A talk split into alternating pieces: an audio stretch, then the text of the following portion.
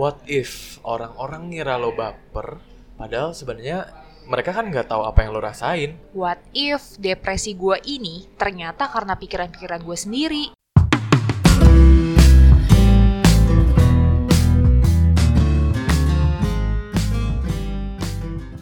Halo semua, Hai. gimana kabarnya? Semoga pada baik ya. Bertemu lagi dengan gua Ray dan Ingat di What if podcast. Iya, aduh. Ini Yeay. episode keberapa kira-kira? Mungkin ketiga ya? Hmm, ketiga. Iya, sekitar Kalau ketiga misalkan ya. nggak ada tambahan lagi sih ketiga ya.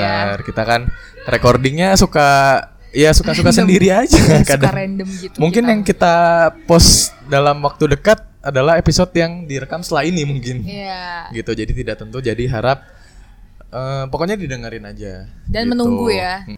Eh, padatnya kerjaan nih. Mm-mm. Kan kita di umur-umur sekarang nih lagi eh ya umur-umur pekerja lah ya kayak fresh grad gitu mungkin udah atau mungkin udah di tahun pertama kerja gitu. Problem yang paling sering dirasakan oleh kita-kita ini adalah stres. Bener, gue gue gitu sih. Iya, Iya. sama gue juga.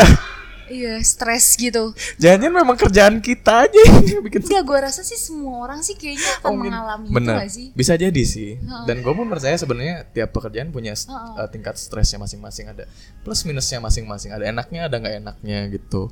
Nah, tapi daripada kita ngobrol, sedangkan kita bukan ahlinya kan. Hmm. Bener, Gimana bener. kalau kita langsung undang ahlinya aja? Oh, kita Ngobrolin ada ada gitu. tamu ya? Ada, gue Gila luar biasa. Gue baru nelpon tadi, langsung datang ke sini. Memang kita podcastnya tuh podcast serius. Iya. Sorry, kalian tidak akan mendengar kita ngobrol berdua doang. Kita pasti ngundang narasumber karena channel kita banyak. Iya, makanya langsung aja kita perkenalan. Oke, Udah nunggu boleh dia. boleh. Silahkan dengan siapa? Kita di depan kita ini. Siapa dulu? Saya dulu deh. Iya, boleh. boleh. Oke, halo semua teman-teman What If Podcast. Ya, mungkin saya langsung perkenalan dulu. Nama saya Teddy. Eh, nama lengkap saya Teddy Kurniawan Kawi. Saya biasa dipanggil Teddy. Saya adalah psikolog. Eh, psikolog saat ini sendiri. Perlu saya eh, tempat kerja dan segala macam detail kayak gitu. Singkat kali Singkat ya. aja, oke. Saat ini sendiri saya kerja sebagai psikolog di tempatnya Tes Bakat Indonesia dan Harmoni. Nah, di situ sendiri saya kerja sebagai psikolog. Selain tempat itu, saya juga associate psychologist di dua tempat lainnya. Pertama Libera Insani dan juga Yayasan Pulih. Itu sih sekilas tentang saya, seperti itu. Wow. Tapi hari ini nggak cuma satu. Gak cuma satu. cuma satu. kita meningkat terus awalnya kita Iya. doang yang kita berdua, Dua, terus bertiga. Ini berempat. Nanti episode ke 100 mungkin Ramean se-GBK kita, eh, podcastnya. se-RT. Iya. Lanjut aja nih bintang tamu kita yang kedua ada siapa ya? Oke, halo semuanya. Eh, nama Bebas, yang asik aja pokoknya. Aing juga boleh. Oke, namaku Amanda. Eh, kalau tadi eh, Teddy itu adalah seorang psikolog, aku hanya seorang sarjana psikologi. Oh ya. Belum, sih Belum. sebenarnya dia tuh Bener. ini Suka merendah, merendah. dulu, suka Bener. merendah Nanti dulu. meninggi, tunggu aja. Iya. Iya, aku eh, apa ya? Ya sarjana psikologi, bekerjanya tempatnya sama dengan eh, Teddy tadi di Tes Bakat Indonesia juga.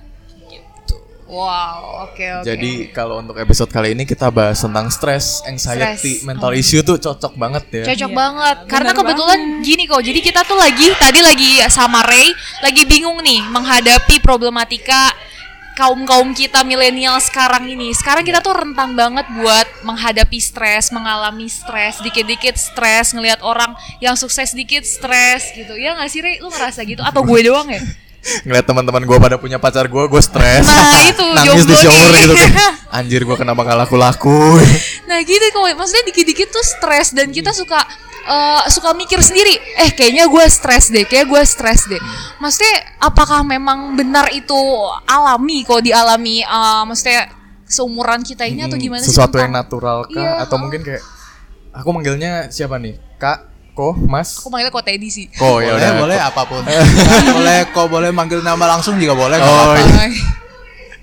Ko Teddy aja. Oke, benar. boleh, Siap, siap, boleh. Nah, mungkin bisa Ko Teddy juga bisa cerita nih secara ilmu psikolog, secara teori Hmm. yang disebut stres atau anxiety itu seperti apa? Apakah ada syarat-syaratnya kah atau Iya. gimana? Iya. Gitu mungkin. Pertama mungkin eh, kita nggak langsung ngebahas soal anxiety ya. Boleh, boleh. Mungkin kita ngomongin soal stres itu sendiri dulu. Jadi stres itu sendiri eh, itu sebenarnya merupakan respon, respon dari apa yang kita eh, appraise, apa yang kita perceive atau apa atau apa yang kita eh, nilai.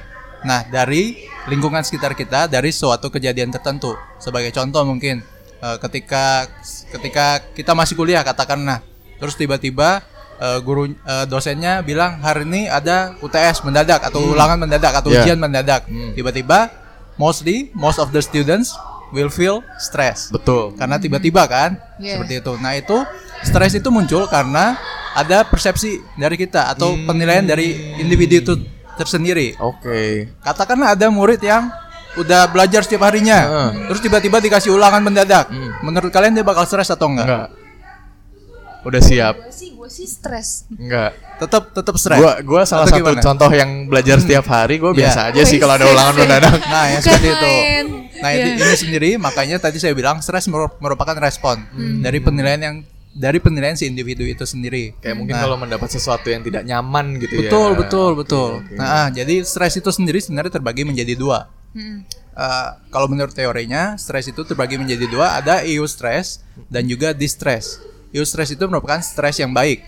Oh. Kalau distress merupakan stres yang buruk, yang negatifnya. Oke. Jadi stres itu sendiri sebenarnya ada stres yang baik nih. Oh, kayak kayak gimana tuh stres yang baik tuh? Baru denger loh.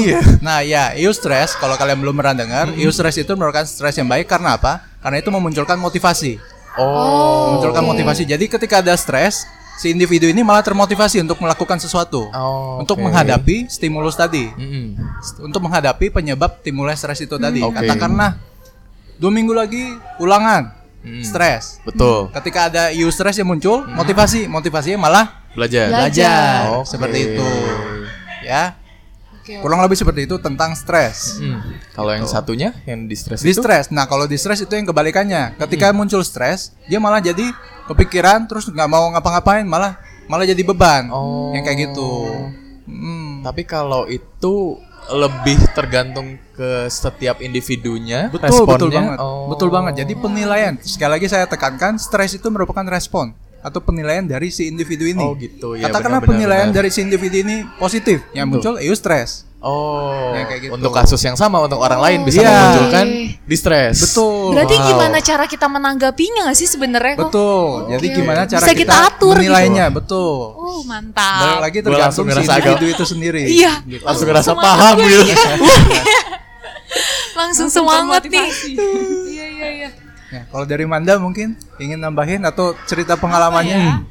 Kalau kalau gue sendiri sih, hmm, kalau stres-stres itu ya memang bener tadi eh, kalau kata Ko Teddy tergantung gimana tiap orang ini tuh meresponnya atau gimana kita mengatasinya gitu. Jadi kalau gue sebenarnya kalau pas mau dulu-dulu mau ujian mungkin lebih ke apa tadi you, you stress itu ya jadi eh, stres atau pikiran wah seminggu lagi mau ujian lebih gue jadiin antisipasi gitu. Jadi gue belajar terus gitu belajar lebih giat. Nah jadi motivasi itu tadi. Cuma ya kan kita nggak selalu baik juga. Jadi kadang-kadang eh, kalau ada stres-stres kayak gitu juga gue bisa panik sih gitu. Lebih nah itu sih lebih-lebih kepada individu aja gimana cara ngatasinnya gitu ngatasin stresnya gitu Tapi bahkan anak psikologi juga bisa stres gitu. iya ya? betul karena kita juga manusia Ya sama kayak lu, lu anak gizi juga makannya Iya. nggak nggak nggak teratur. Sama gua anak teknologi pangan bikin kue juga nggak bisa. Gak bisa. Oh, oke, benar benar benar.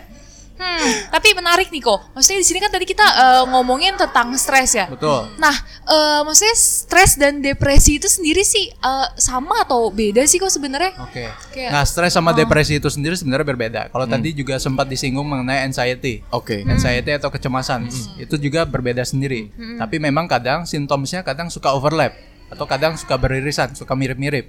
Terutama yang anxiety sama depresi. Oke. Oke, sebagai contoh, ketika anxiety yang biasanya muncul itu adalah pemikiran-pemikiran negatif. Heeh. Jadi jangan disamakan dengan ketakutan atau fear, Hmm. ya. Jangan disamakan. Jadi ada lagi nih. Jadi sebenarnya eh, apa ya? Term atau sebutan atau label itu sebenarnya cukup beragam kalau dalam dunia psikologi. Tapi itu jangan jangan disamaratakan semua yang kayak gitu. Nah, kalau misalnya tadi saya singgung tentang anxiety dan depresi, depresi itu sendiri punya simptom yang kurang lebih mirip. Kayak kalau di anxiety itu pikiran-pikiran negatif muncul, Betul. di depresi juga sama, demikian. Oke. Yang seperti itu.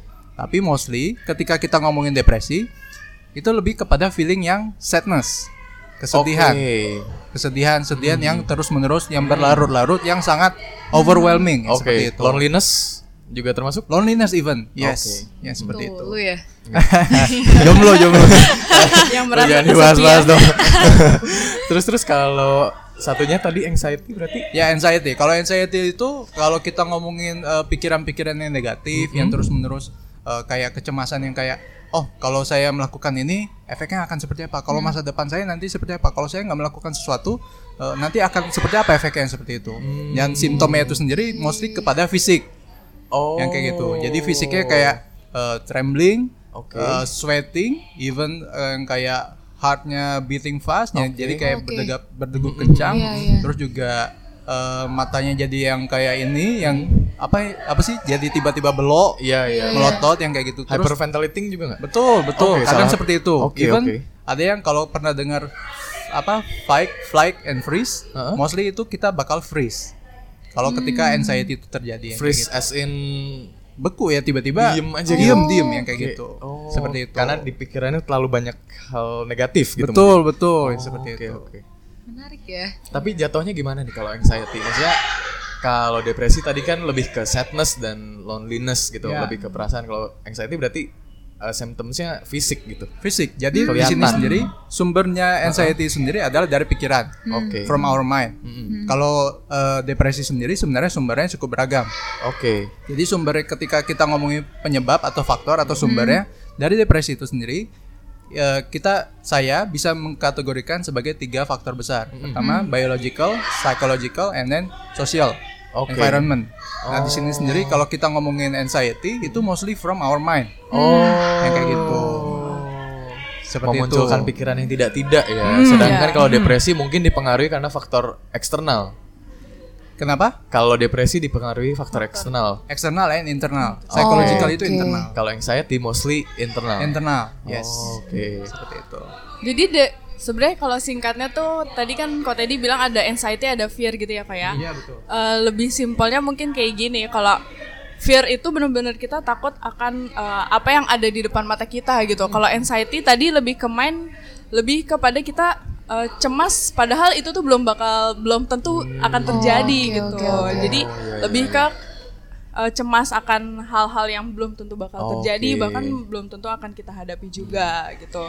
Dan depresi itu juga sebenarnya udah masuk ke gangguan sih ya kok ya gitu. Sebenarnya gue juga sebagai anak lulusan psikologi pun eh sebenarnya nah kita tuh juga di lingkungan kadang gampang tuh nge-label orang-orang ini depresi gitu Iya, Oke. iya. jadi dia mojok terus gitu sedih terus Iya. galau diputusin Stres ya, gitu, Iya, kan? stres diputusin kan depresi Mhm. karena nggak semudah itu bisa dicap depresi ada beberapa gejalanya atau simptom-simptomnya gitu gue pun nggak hafal kalau di psikologi itu kita ada namanya eh, kamusnya ya apa sih kok ya DSM gitu jadi diagnostic statistik manualnya Mm-mm, itu tuh kamus Iya, iya. segala jenis eh, gangguan kesehatan mental itu dia harus eh, muncul simptomnya itu selama beberapa bulan terus menerus. Jadi nggak semudah itu bisa dicap dia Apa tadi depresi. DSM diagnostic? Eh, kalau nggak salah inget sih stat, stat- Statis. statistik ya statistik manual Manual. Heeh. Ada manualnya kayak kulkas ya. harus harus kulkas gitu ya. Manual Kalau ya. kulkas ada manualnya. Buku cuy. manualnya Iya, maksudnya. ada itu manualnya. buku manualnya Nah. anak-anak psikologi Nah, Mantap, tapi mantap. gue jadi penasaran nih nggak, maksudnya zaman sekarang mungkin eh, mungkin ada kasus yang tadi bilang Manda, kita jadi lebih eh, cepat ngejudge orang kayak, wah lu anxiety lu stres ya gitu. Tapi kalau gua ngelihat ada pola juga di anak-anak muda zaman sekarang yang mereka eh gua nggak mau terdengar jahat sih, cuma mungkin kesannya adalah sok anxi- sok anxious gitu kayak eh hanya untuk apa ya looking for attention aja gitu. Jadi kayak eh, suka ngepost ngepost di media sosial Ah, kayak waduh see. eh, cerita-cerita dia lagi mengalami kesialan atau apa. Terus kayak eh langsung anxious timbul gejala-gejala anxiety gitu. Seolah-olah seperti itu. Atau mungkin kayak yang suka self harming juga gitu. Nah eh, bisa cerita sedikit nggak nih Ko Teddy atau dari Manda? Sederhananya gimana sih? Tadi kan ada cara assessmentnya tuh ada manualnya tuh Eh, kira-kira symptoms atau pertanda seperti apakah yang bisa kita eh, bikin itu acuan untuk menilai seseorang? Wah lu berarti stres beneran lu anxiety beneran. Atau misalnya kayak mungkin ada orang yang sok tangguh juga. Misalnya apa-apa nggak pernah diceritain apa-apa nggak pernah dirasain. Tapi begitu kita lihat gejalanya ternyata oh dia mungkin stres dan bisa kita bantu gitu. Nah kira-kira apa sih pertandanya seder yang sederhana gitu yang kira-kira bisa dilihat secara langsung entah itu anxiety atau depresi, gitu. Oke. Eh, dari sini mungkin sederhananya kalau untuk depresi itu sendiri ketika katakanlah si orang ini atau kenalan kita atau siapa pun itu yang kita ketahui itu dia udah mulai mengurung diri. Oke. Terus eh, dia udah nggak mau melakukan aktivitas-aktivitas yang biasanya dia sukai. Katakanlah dulu orang ini sukanya olahraga. Tapi entah kenapa tiba-tiba dia nggak mau olahraga lagi. Nggak mau nggak mau keluar dari rumah nggak mau bersosialisasi lagi. Iya. intinya dia mengurung dirinya. Dan itu terus menerus berlangsung katakanlah selama dua minggu lebih. Yang kayak gitu. Nah itu kita udah mulai bisa jadi kayak alert sama atau waspada. Dan kita Oke. harus bawa dia kepada tenaga profesional yang bisa bantu untuk katakanlah menegakkan diagnosis tadi Betul, karena betul. kita kalau eh, sebagai orang awam baiknya baiknya itu nggak melakukan penegakan diagnosis betul secara betul. sendiri iya iya yang seperti itu Oh, Oke oke. nah itu untuk depresi Mm, Iya. untuk kalau depresi. untuk, anxi- untuk anxiety sendiri sebenarnya eh, penegakan diagnosisnya kalau kalau dilihat dari kacamata awam itu sebenarnya agak apa ya gampang-gampang rumit sih. Ya gampang-gampang susah nih. Jadi ketika ketika seseorang kita mau katakan oh, orang ini punya kecemasan. Tapi sebenarnya semua orang juga pasti punya Betul. pernah Iya, atau pernah betul. mengalami kecemasan itu yang gitu. poin gua tadi gitu. Iya, nah ke- makanya makanya ketika eh, simpelnya gini, ketika itu kita mau anggap sebagai disorder atau gangguan, eh, kecemasan itu sendiri kalau kita ngomongin kecemasan ya, kecemasan itu sendiri apakah sudah mengganggu fungsi dari orang ini? Kat- Fungsi ini dalam artian apakah orang ini jadi beneran nggak bisa ngurusin dirinya sendiri, jadi nggak bisa kerja atau nggak bisa merawat diri sendiri? Oke, itu yang termasuk fungsinya. Aha. Jadi ketika kecemasan itu mengganggu fungsi tersebut, baru kita bisa katakan sebagai dia, disorder Iya, sebagai disorder atau sebagai gangguan seperti, wow seperti itu. gua mengalami gejala-gejala Oke. tadi Serius loh. Pantesan gue sering lihat lu mengurung diri ya di mobil. Gua gua memang eh, dulu hobi olahraga dan Ya, kayak hobi main game ya seperti laki-laki pada umumnya Ya, lah ya. ya ada periode di mana gua ngerasa hal-hal itu tidak membawa kesenangan lagi buat Ya. gua gitu Hmm. dan kayak gue juga ada periode di mana nggak mau ketemu orang-orang Yes. gitu padahal gue ya dulu pas SMA atau kuliah bisa dibilang kayak orang-orang nilai gue pasti ekstrovert sih Hmm. gitu cuma begitu semakin ke sini kayaknya ya gue kan eh, respon chat lama kan Iya. Kayak bener deh memang dia tuh lagi lagi menghindari orang-orang sih kok sebenarnya Ya. gitu. Oke.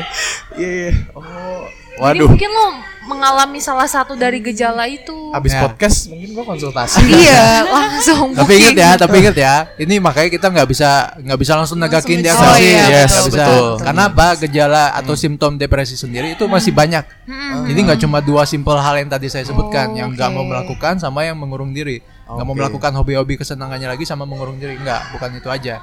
Jadi banyak hal lain yang kayak mostly dipenuhi dengan rasa sedih, Ah. terus juga kadang perasaan bersalah, jam makan, jam tidur terganggu, yang kayak gitu.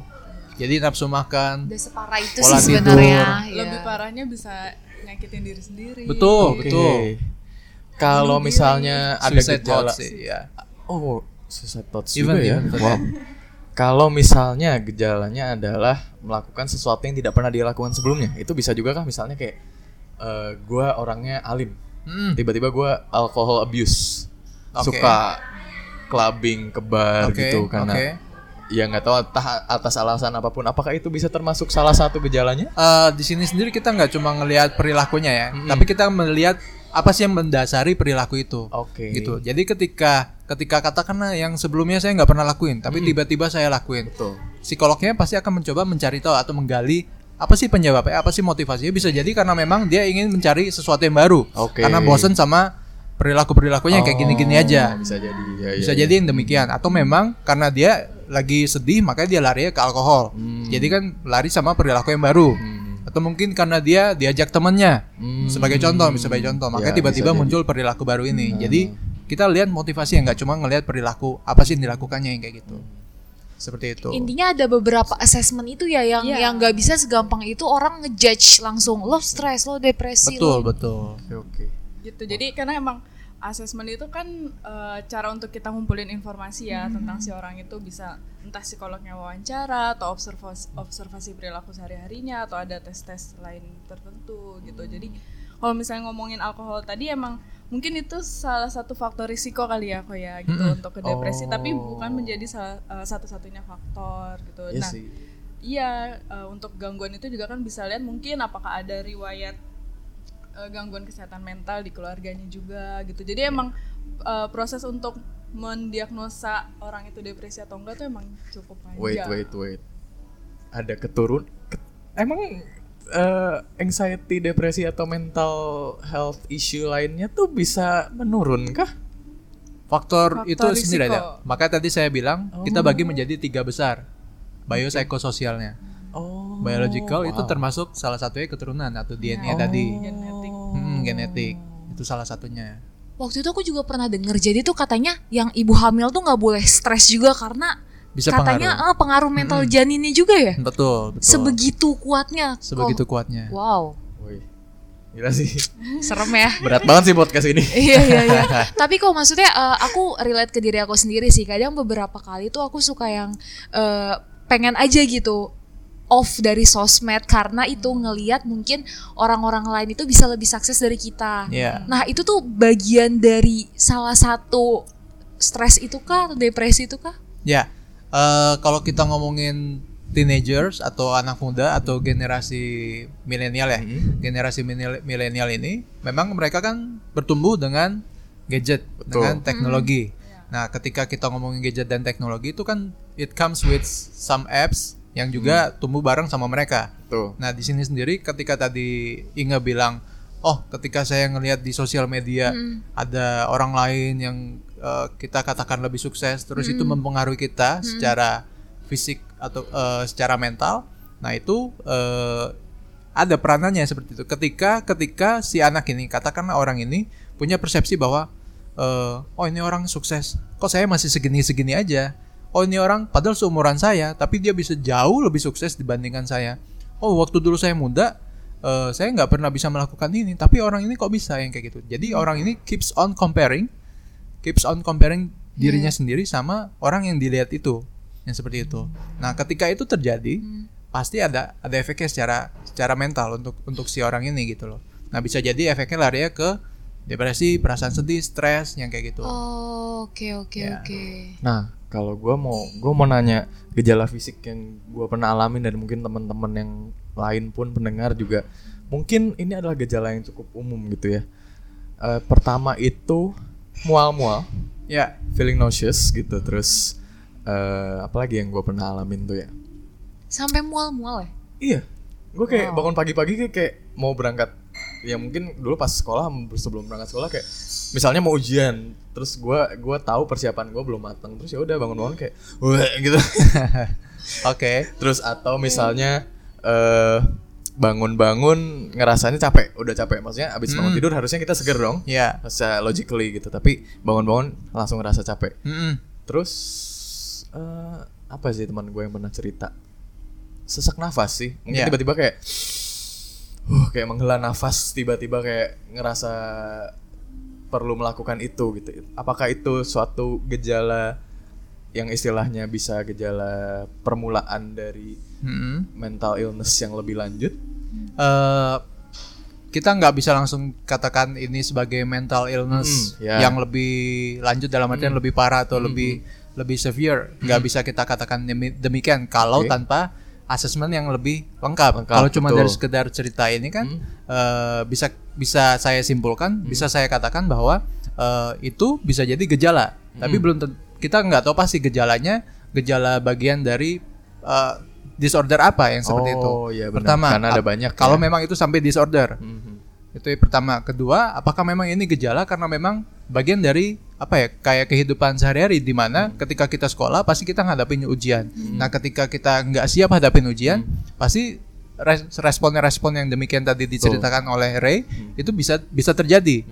Balik lagi ke eh, balik lagi ke individu masing-masing. Oke, karena respon fisik seseorang itu bisa berbeda-beda. Ada yang orang yang cemas langsung bisa keringetan. Ada orang yang cemas Oh, iya, yang nyantai benar aja tapi tapi dalam dalam dirinya itu deg-degannya luar biasa. Yang seperti itu Ya, itu balik lagi ke respon fisik masing-masing. Ada yang mual kayak Iya, tadi Ray cerita benar-benar. ada yang ada yang sesak nafas yang kayak gitu. Kalau tiba-tiba homesick, homesick kangen. Butuh pulang udah itu mah titik butuh butuh liburan pulang. gitu ya gua gua walaupun udah ber, ber gua berapa tahun sih ngerantau dari keluar rumah tuh 10 tahun lebih sih. Eh, Wow. eh enggak enggak nyampe belum belum baru 8 8 tahun 8 tahun. belum pernah pulang Maksudnya sudah merantau itu dari lebih dari 8 Bang tahun. Tohib ya. Pulang Bener sih, pulang. pertanyaannya lu lu kayak kalau belum pernah pulang ya wajar homesick seperti itu. Betul nggak? 8 tahun ngampun iya. Cuma maksudnya kalau gue tuh kayak kadang merasa eh kalau misalnya lagi menghadapi masalah yang gua rasa berat banget gitu, itu homesick sih. ya Itu sesuatu yang normal kan ya? ya Normal nah sih. kita Respon. Mm-mm, responnya. Di mana Oh, kita nyari comfort zone. Oh, seperti itu. iya, benar-benar. ya kita langsung teringat comfort zone kita di mana yang kayak gitu ya makanya homesick itu bisa timbul yang kayak gitu Berarti intinya apa pun kondisi kita harus ada assessment dulu ya untuk betul, menentukan betul. tingkat keparahan dari kondisi kita gitu ya. ya apa untuk menentukan apa betul ini disorder Oke. atau Oh, sudah cuma sem- gejala-gejala. Mm, mm, Atau kayak mungkin one time event doang gitu ya. Yes. Oh, oke oke. Menarik banget sih yang tadi Ray bilang itu gue juga pernah sering bahkan ngalamin kalau di kita sebutnya itu psikosomatis ya kok ya. Heeh, jadi bener-bener respon tubuh kita terhadap apa yang mau kita hadapi gitu. Gue Oh. sebelumnya pernah kerja di tempat kerja sebelumnya itu setiap hari, setiap pagi sebelum berangkat kerja tuh gue deg-degan. Bisa sampai mual karena Oh. Iya iya iya. takut eh, menghadapi tugas-tugas Heeh. dan bos yang seperti itu Oke. misalnya Oh. contohnya. Atau kayak mau ujian gitu. Atau jangan kan yang ribet deh wawancara deh gitu. Hmm, gue iya, setiap benar-benar. mau wawancara kerja itu pasti deg-degan bisa sampai mual. Dan itu normal ya karena itu respon tubuh kita gitu. Kalau di psikologi mind and body itu related sih gitu. Hmm, iya, iya, jadi oke, emang oke. eh, itu normal dan ya gimana kita mengenali di tubuh kita aja. Kalau misalnya Hmm. oke setiap gue mau wawancara mual mungkin ya udah dihadapi atau coba gimana atasinya gitu biar nggak lebih Berarti parah. intinya tetap kayak tergantung respon individu Iya, masing-masing ya gitu. Soalnya Tapi- kadang kepikiran juga kayak eh, sampai tahap apa sih misalnya Hmm. kayak ceritanya Manda tadi setiap sebelum kerja tuh eh, panik mual-mual kayak pas itu asam lambung, mm, wah mulut pahit banget sih itu.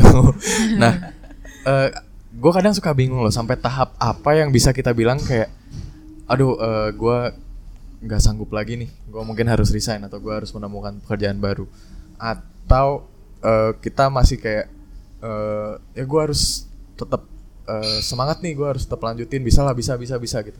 Berarti tetap balik lagi ke respon individu ya.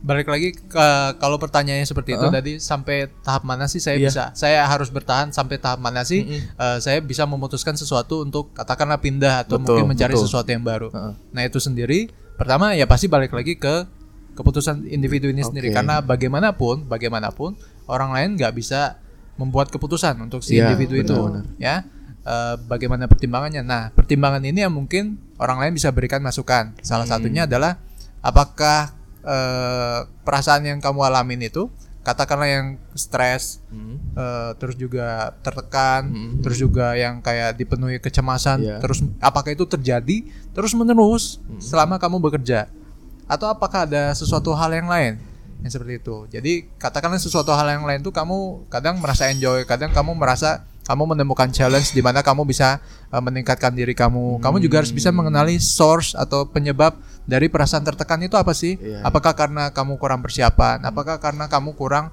eh, ya kurang apa ya kayak kurang siap untuk menghadapi pekerjaan itu? Atau Oke. mungkin karena memang eh, pekerjaan ini atau orang-orang di sekitar di tempat pekerjaan itu itu kayak nggak suportif? Oke. yang kayak gitu. Jadi itu yang harus dikenali juga penyebabnya itu apa gitu loh. Baru baru eh, dengan dengan hal kayak gitu baru kita bisa membuat keputusan yang lebih tepat yang kayak gitu Hmm, iya. harapannya seperti Itu demikian yang susah sih kita Iya. tinggal di masyarakat yang judgmental. Jadi kadang tuh eh, susah mungkin ya ngebedain kayak tindakan yang kayak self love kayak mungkin resign itu adalah salah satu alasan untuk Hmm, self love ya, kan kayak ya. wah gue kalau kayak gini terus bisa mati muda gitu kan ya, ya. nah atau atau kayak ya itu tadi wah gue kalau misalnya resign gue kayaknya kok eh, cepet banget nyerah gitu Hmm, hmm. Kalau kita susah ya kalau untuk orang awam nilainya gitu kayak kita Nah. nggak tahu batasannya tuh kayak Oke. self limit kita tuh di mana sih Oke, gitu oke. Nah itu itu eh, menarik sih. Maksudnya di Hmm. sini sendiri, kalau kita ngomongin soal masyarakat yang judgmental, Hmm. eh, ini juga yang sebenarnya aku pengen ungkit. Mm-mm. Eh, ketika sebelumnya diundang untuk podcast ini, dan aku tahu begitu aku tahu bahwa sasaran tujuannya eh, market bukan market sih dalam artian audiens target audiens itu adalah millennials. Hmm. betul. Dalam artian yang remaja atau mungkin yang dewasa muda. Itu aku langsung kepikiran eh, ini aku pengen ungkit bahwa ketika masyarakat itu judge kayak dalam artian judge orang lain terutama ada term yang muncul itu baper. Hmm, pasti iya, pernah dengar dong baper ya? Ah baperan lu. Baperan lu, gitu baper aja lu. baper.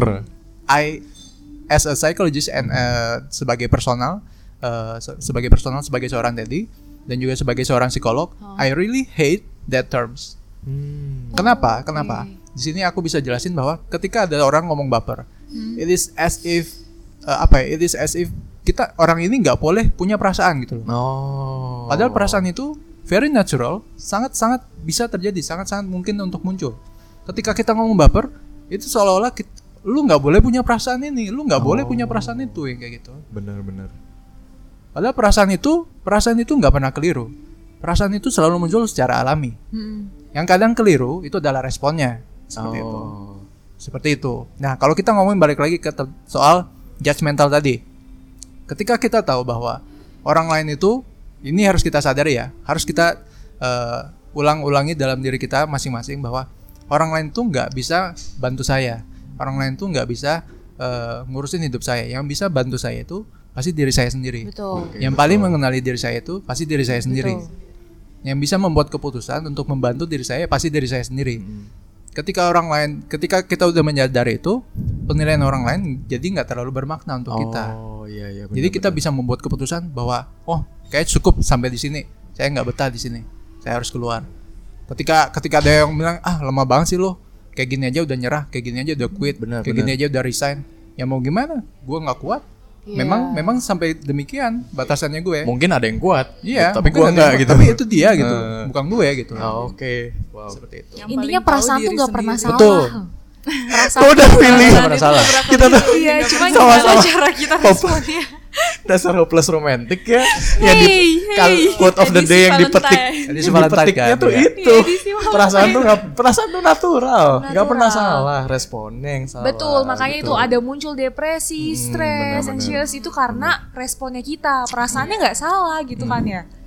Wow, Wah, jadi merasa pintar gue. iya benar gue sekarang pintar nih tentang psikologi gue. gue langsung mikir oh nggak apa-apa kok lu eh, naksir sama dia nggak apa-apa bukan salah lo Iya, Betul, betul. langsung masuk ke edisi Valentine, baiklah. oh jadi yang aku rangkum nih kok maksudnya dari obrolan kita tadi eh kita tuh ya wajar lah merasakan stres, depresi, cuman limitnya aja eh, limitnya itu cuman kita yang tahu, batasannya itu cuman kita yang tahu. Seberapa sih kita bisa menghadapi itu dan gimana sih caranya dan yang penting lagi sih kayak tadi yang aku nangkep ya dan eh, relate ke masalahku tadi yang tentang sosmed juga itu mungkin kita harus eh, analyze dulu ya. Kenapa sih gue bisa kayak gini? Faktornya dari mana Betul. sih? Apa yang mempengaruhi? Terus gue kira-kira bisa apa untuk memperbaikinya? Mungkin kayak gitu yang paling Betul, simpel ya kok. Jadi yang bisa kita lakukan sebagai Hmm. personal nih ya, eh, terutama untuk eh, teman-teman yang di luar sana ya. Hmm. Eh, ketika kalian tahu bahwa pertama kalian harus bisa mengenali diri sendiri dulu. Itu yang paling utama. Batasannya seperti apa tadi? Apa sih penyebab kalian bisa timbul perasaan-perasaan yang kita katakan sebagai perasaan negatif? Kayak sedih, marah, kecewa, atau benci, atau apa pun itu. Kalian harus bisa mengenali penyebabnya. Itu yang pertama. Kedua, kalian harus bisa mengenali batasannya seperti apa. Kalian kuatnya tahannya itu sampai sampai yang seperti apa gitu loh. Karena batasan eh, ketahanan diri setiap orang itu pasti berbeda-beda. Kita nggak bisa compare diri kita sama orang lain. Orang orang ini aja bisa tahan sampai yang level kayak gini. Hmm, hmm. Saya kok nggak bisa. Bukan kayak gitu. oke Ya ketahanan diri setiap orang pasti berbeda-beda. Mungkin saat ini ketahan ketahanan diri saya ya pasti cuma sampai sini gitu loh. Orang lain yang mau sampai situ ya terserah. Katakanlah kalau kita simpelkan ketahanan diri orang ini udah di level 3. Mungkin saya masih di level 1. tapi ya udah memang saat ini ya level 1 dulu jadi pengenalan diri itu harus bisa maksudnya di sini kalau kamu sendiri nggak bisa kenalin diri kamu siapa lagi gitu Oh, Oke, gimana orang lain mau bantu gitu? Iya ya? gitu loh Oke oke. langsung mikir gue pernah stres apa aja ya langsung gitu Enggak, gua ya takutnya gua pada- menghadapinya ya Abis abis dengerin podcast kita eh, rasio resign di Jakarta meningkat. Pada perusahaan Bukan tiba-tiba lowongan banyak gitu. Turnover meningkat jauh gara-gara podcast kita. karena semua orang sudah percaya dengan dirinya sendiri oke gue mau Gua ini bentuk self love gua, gua harus resign. Tapi Ndel, menarik deh cerita lo yang kemarin yang apa namanya di tempat kerja sebelumnya Mm, itu. iya. Nah, lu sampai pada tahap keputusan, oke, gue stop nih di sini. Gitu Nah. gimana sih Hmm. Oke. nah ini tipsnya? contoh ha? nyatanya nih Bisa iya, berbagi contoh itu. nyata, iya Ah. bisa sharing. Sebenarnya itu cuma di momen-momen tertentu nggak sampai akhirnya gue memutuskan untuk resign. Jadi alasan resignnya juga bukan karena itu. Nah, ketika gue mengalami berhari-hari dengan setiap hari stres, deg-degan, itu yang ya benar kata Ko Teddy tadi eh, kita lihat dari source-nya gitu. Berarti source-nya ini kan mungkin atasan gue. Apakah gue eh, harus ngobrol sama atasan gue atau gue harus mempersiapkan diri gitu biar lebih siap untuk eh, dapat tugas-tugas dari dia. Atau yang kedua eh, cara gue untuk mengatasi stresnya itu eh, ya namanya co- coping stresnya ya gitu. Coping, Jadi setiap hari kayak gitu nggak apa-apa tapi set- mungkin setelah pulang kerja gue nongkrong sama teman-teman kantor Oh, gitu iya, makan-makan iya, iya. sambil ngobrol atau mungkin kalau gue biasanya eh, kalau ini emang coping stress gue Hmm. caranya gue itu biasanya hari Jumat itu Indian of the week kerjanya Hmm. itu gue main time zone Oh. Sama Gue bisa. siapa? Pertanyaannya sama siapa? Emang Tanjung nggak boleh sendirian? Kayak ngapain Iya, sendiri boleh happy happy? boleh, kenapa dong? bisa Iya. bisa. Itu Oh, bentuk self love gue. Jadi gue Iya. tuh bisa nonton sendiri gue beli dum dum sendiri gue main time zone sendiri. Itu untuk mengatasi atau mengeluarkan energi energi stres gue dalam satu minggu kerja gitu terus hing- jadinya seninnya tuh udah refresh lagi Oh, wow. gue sih biasanya caranya kayak Luar gitu biasa ya. Terima kasih Time Zone. Salah fokus Anda. product placement nih Sponsor. iya. iya Time pokoknya Zone jangan lupa bayar, bayar Time royalti. Iya bener ya. Pokoknya kita tuh harus eh, harus tahu sih cara coping stress kita masing-masing gitu. Betul, betul. Dan eh, kalau bisa dapetin support system entah itu keluarga atau mungkin support sistemnya pacar atau mungkin teman di kantor gitu. Jadi itu juga bisa mengurangi tingkat stres. Kenapa kita. lo lihat-lihat gue? mungkin yang jomblo Nah, bisa ke keluarga gitu. Yang penting gitu sih. Nah, gue jadi penasaran nih. Gue pengen nanya ke entah ke Ma- Manda atau Kotedi yang bisa jawab. Hmm? Untuk orang-orang eh, yang mungkin jarang stres, jarang stres, maksudnya kayak dia selama eh, mungkin kayak masa mudanya dia tidak pernah mengalami stres yang gimana-gimana banget, karena dia mungkin memang orangnya cuek atau memang selalu persiapannya selalu matang gitu. Tapi tiba-tiba datang suatu periode di mana ya bisa dibilang dia cukup sering merasakan stres itu. Mulai suka panik sendiri bahkan untuk hal-hal yang biasanya dia biasanya biasa-biasa aja gitu. Nggak nggak masalah. Tapi karena di kondisi tersebut dia udah mulai eh, ada kepanikan tiba-tiba hal yang biasanya dia bisa kuasai dia tenang-tenang aja menghadapi hal tersebut dia justru malah panik ketika menghadapi hal yang sama gitu nah gue pengen nanya nih buat orang-orang yang kayak gitu kan mungkin mereka kadang tidak punya metode buat uh, coping with their stress gitu karena mereka tidak terbiasa mengalami stres. Stres adalah hal yang baru untuk mereka.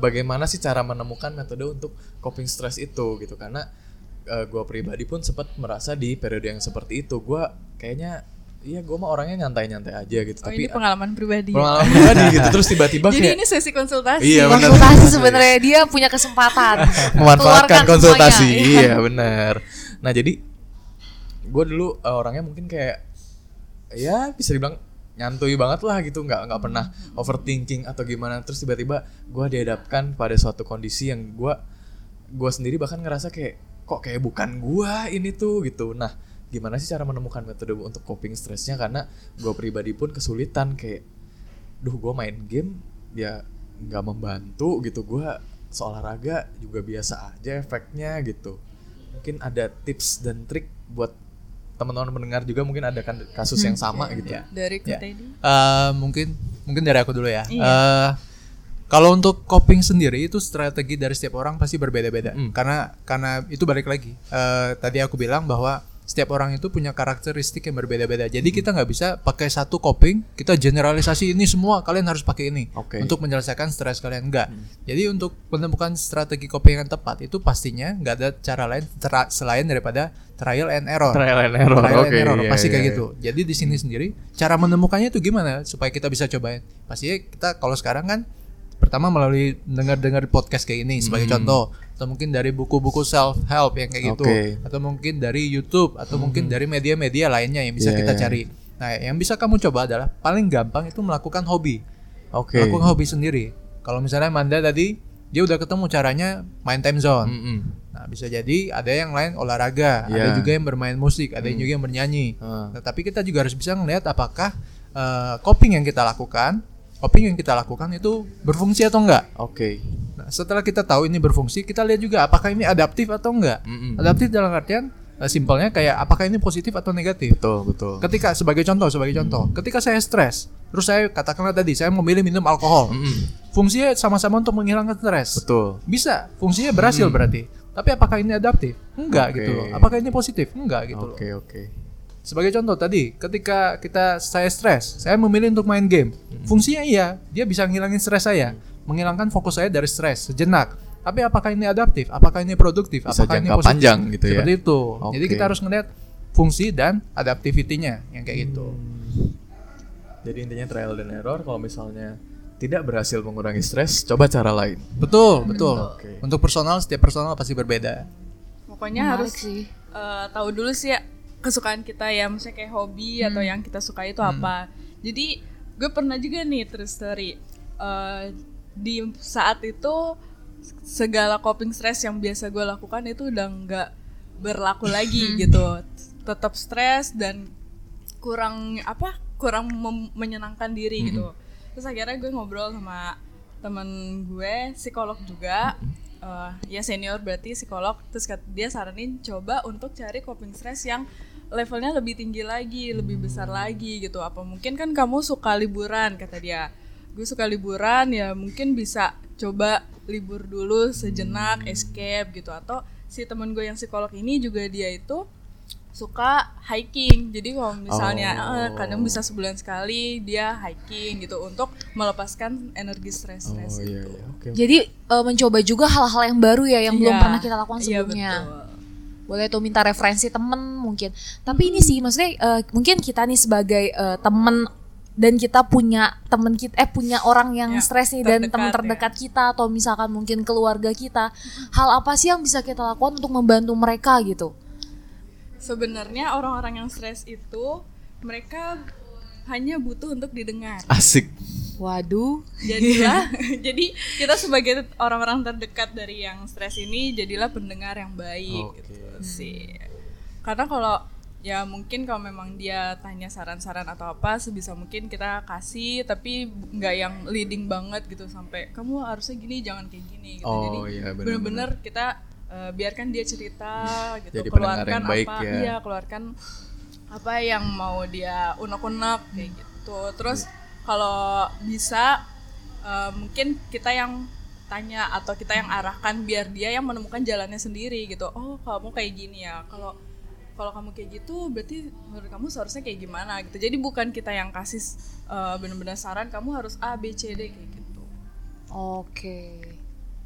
ya didengarkan aja lah simpelnya gitu. Teman bercerita, teman berkeluh kesah, jadi teman hidup. Teman hidup. Itu niat lo sebenarnya. Awalnya dari teman biasa, teman mendengarkan cerita kan. Gue perlu cerita nih, Iya. padahal pak nyari nyari topik aja Nyari nyari kesempatan. Iya benar. Tapi intinya gitu ya, kita harus belajar menjadi pendengar yang baik Betul, gitu, betul. terutama untuk orang-orang terdekat kita. Dan nggak boleh judgmental itu tadi ya, Betul. tetap ya gitu. Itu sih. Oke. Oke, luar biasa banget episode kali ini. Mungkin yang denger juga bener-bener relate banget nih dan bisa tahu juga Ya, ya. ini, ini topik yang asik sih. Iya, seru juga mungkin Lu nggak mau konsultasi? panjang lagi nanti di belakang ya.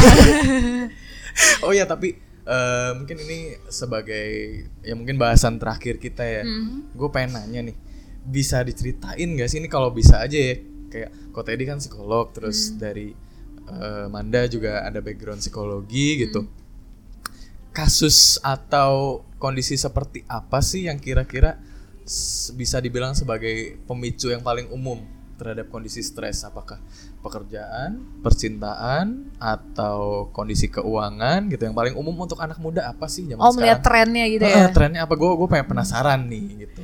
Trennya. Eh, kalau tren, kalau kalau kita ngomongin tren ya, Hmm. eh, dari yang aku temuin, jadi ini bukan berarti secara berlaku secara nasional, Ya, tapi ini hmm. lebih kepada dari praktikum, Hmm. eh, dari praktekku Experience. selama ini, oke, dari experienceku selama ini, itu mostly karena eh, hubungan, relationship, Oh. relationship. Jadi bukan nggak selalu soal percintaan loh ya, udah Oh, udah senyum senyum oh, aja. oh, enggak, enggak. Jadi nggak selalu soal percintaan loh ya sensi banget dah. relationship. Jadi eh, regardless itu dalam konteks pekerjaan atau regardless itu dalam konteks hubungan asmara atau percintaan Keluarga ya juga keluarga. bisa, ya. Even keluarga itu juga bisa. Keluarga intinya soal relationshipnya. Gimana orang ini punya hubungan dengan orang lain. Intinya seperti itu. Itu adalah eh, sumber atau faktor yang bisa yang paling sering saya temuin seperti itu. Oke, oke. Ya.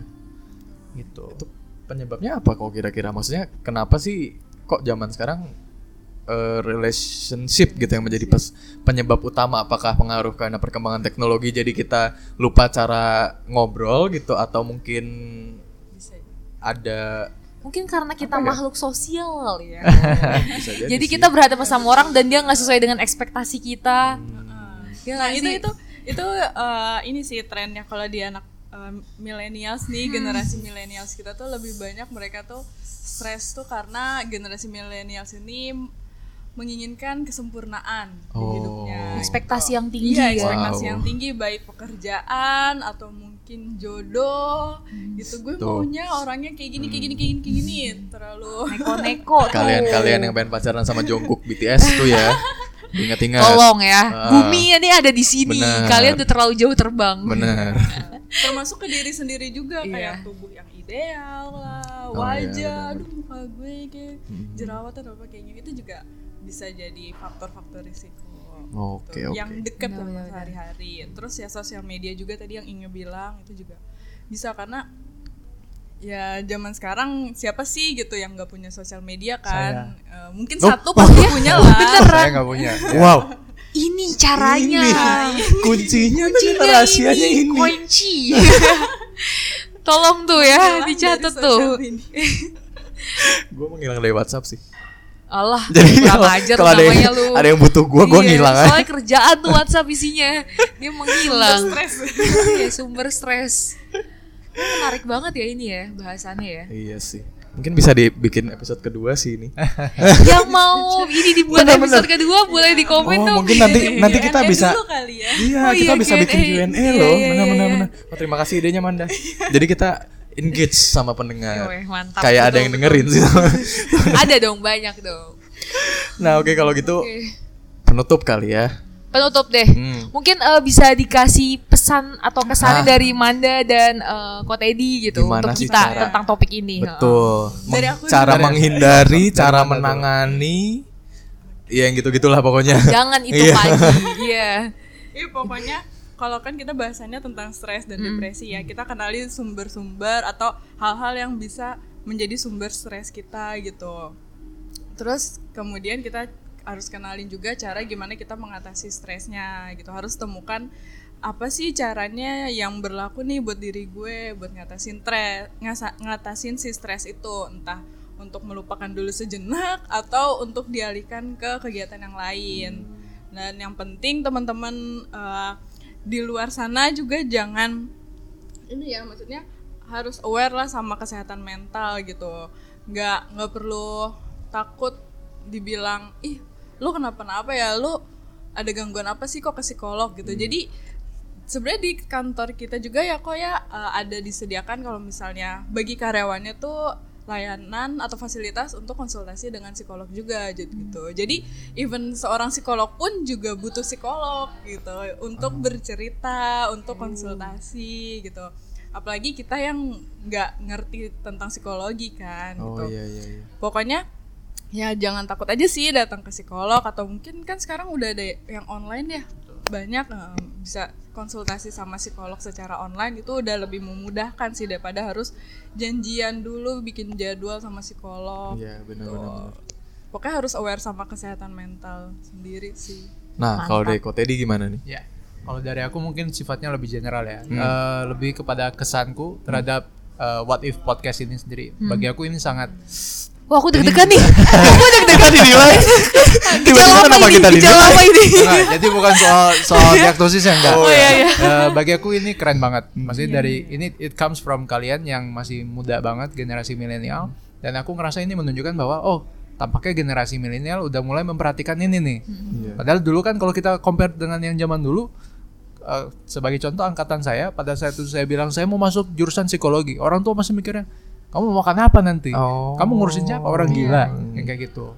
Nah, ketika itu muncul artinya bahwa eh, pemikiran mereka itu masih yang eh, maaf kata kolot banget kayak gitu. Konvensional ya. Iya, konvensional sekali. Nah, kalau di sini kalau dari yang eh, ini sendiri dari munculnya What If Podcast dengan munculnya hal-hal lainnya yang mulai menunjukkan oh eh, kayaknya pemikiran sudah mulai terbuka di mana mereka anak-anak sekarang atau anak-anak muda zaman sekarang dan juga orang-orang yang ada saat ini udah mulai memperhatikan kesehatan mental itu sendiri. Dan eh, aku sangat senang sih sebagai pribadi dan juga sebagai seorang profesi sebagai psikolog itu aku sangat senang sekali. Karena mulai eh, Indonesia mulai berkembang ke arah situ gitu loh. Padahal kalau kita compare dengan yang di luar sana itu eh, eh, kita masih beberapa step behind. Tapi dengan ada progres ini, eh, perkembangan ini, I'm very happy dan juga aku harapkan what if what if podcast ini bisa mempengaruhi lebih banyak lagi menjangkau anak muda anak muda anak-anak muda di seluruh Indonesia. Waduh. Even, even di Amin. luar. Mari Amin. sama-sama kita aminkan. Amin. Iya, Seperti iya. itu. Waduh,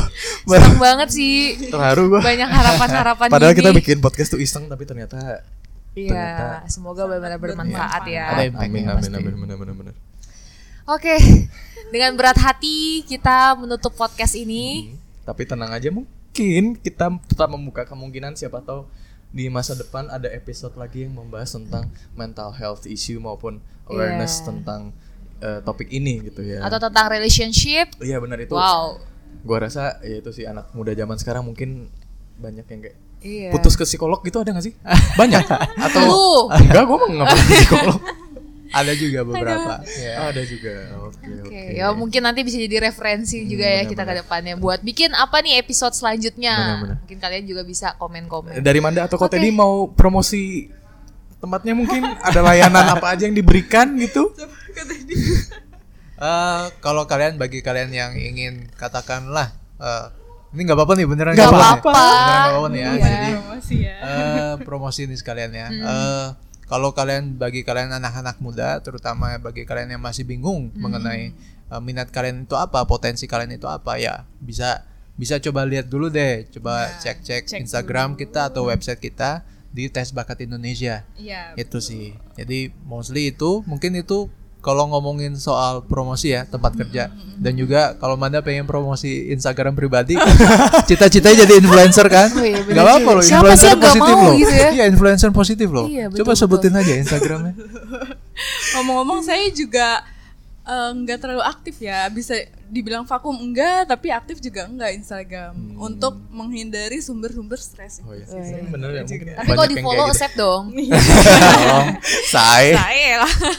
Jadi tadi gimana Oke. buat eh, cari tahu tentang apa tadi Indonesia? Tes bakat, Tes bakat bakat ya. Indonesia. Di Ya. websitenya ya. websitenya Iya. bisa Bisa atau website mungkin uh, Instagramnya. Instagramnya Instagram Tes juga. Bakat Tes Indonesia. minat dan bakat Indonesia. Tes Tes bakat, bakat Indonesia. Bakat Indonesia. Ya. Ini Instagramnya di ini bener. itu tes Iya, bakat Instagram. Oh, Indonesia. itu. tes bakat Indonesia. Oke. Semua umur sih dari anak kecil kita juga bisa ya ngetes gitu. Ya, tapi bukan bayi ya. Jadi anak usia berapa kok mulai?